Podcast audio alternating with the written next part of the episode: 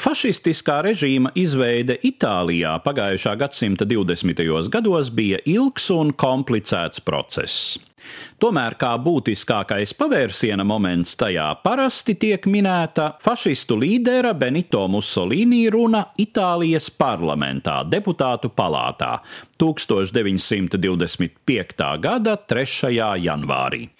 Par Itālijas premjerministru Musolīni kļuva jau 1922. gada oktobrī, kad notika tā dēvētais gājiens uz Romu.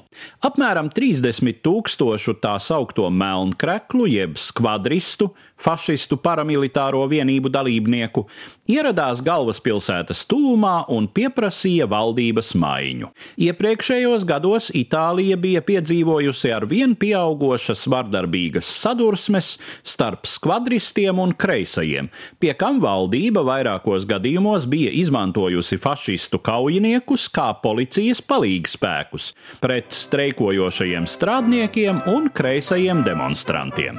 Un liela daļa sabiedrības šādā rīcībā nesaskatīja neko peļamu, jo galvenais bubulis itāliešu turīgajai pilsonībai un arī daļai vidusšķiras tobrīd bija bolševiku revolūcija un proletariāta diktatūra pēc pēc Krievijas parauga.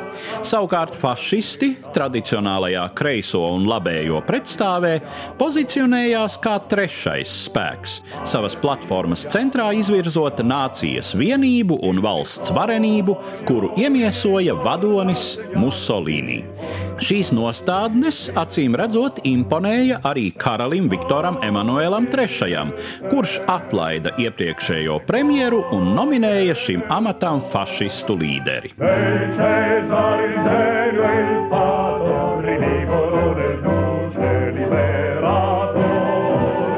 Musolīni pirmais kabinets nepavisam nebija fašistisks. Tajā bija arī nacionālistu, katoliskās tautas partijas un liberāļu ministri.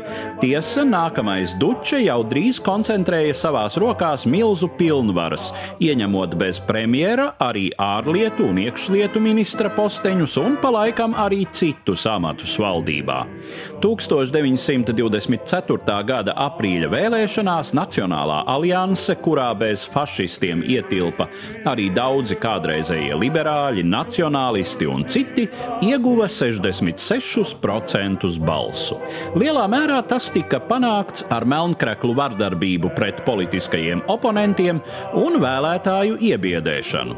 Kreisā opozīcija boikotēja jauno parlamentu un izvērsa fašistu nelikumību atmaskošanas kampaņu. Sevišķi aktīvs bija sociālistu deputāts Giacomo Matteotti, un viņa līķi ar vardarbīgas nāves pazīmēm augustā atrada Romas tūmā. Tika arestēti vairāki fašistu slepenās drošības organizācijas locekļi.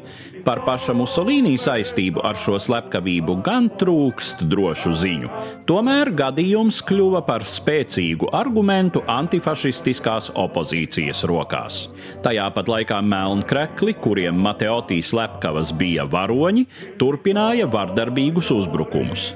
Jaunā 1925. gada priekšvakarā viņu līderi ieradās pie Musolīni ar prasību, vai nu viņš sagraus antifašistus, vai arī to paveiks viņi. Valstī draudēja pilsoņu karš.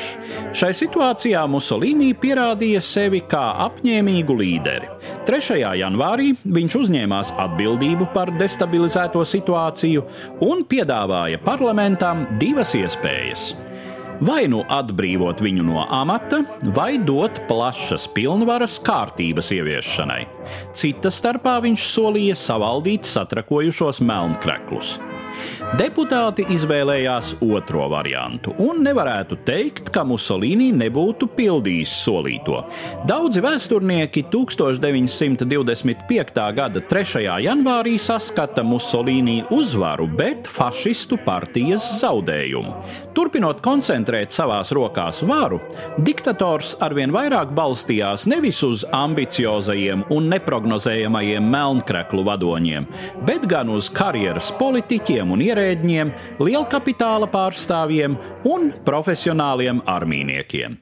Tas gan neglāba Itāliju no paša vadoņa ambīciju izraisītajām kļūdām, kuras galu galā noveda režīmu pie katastrofas, stāstīja Eduards Liniņš.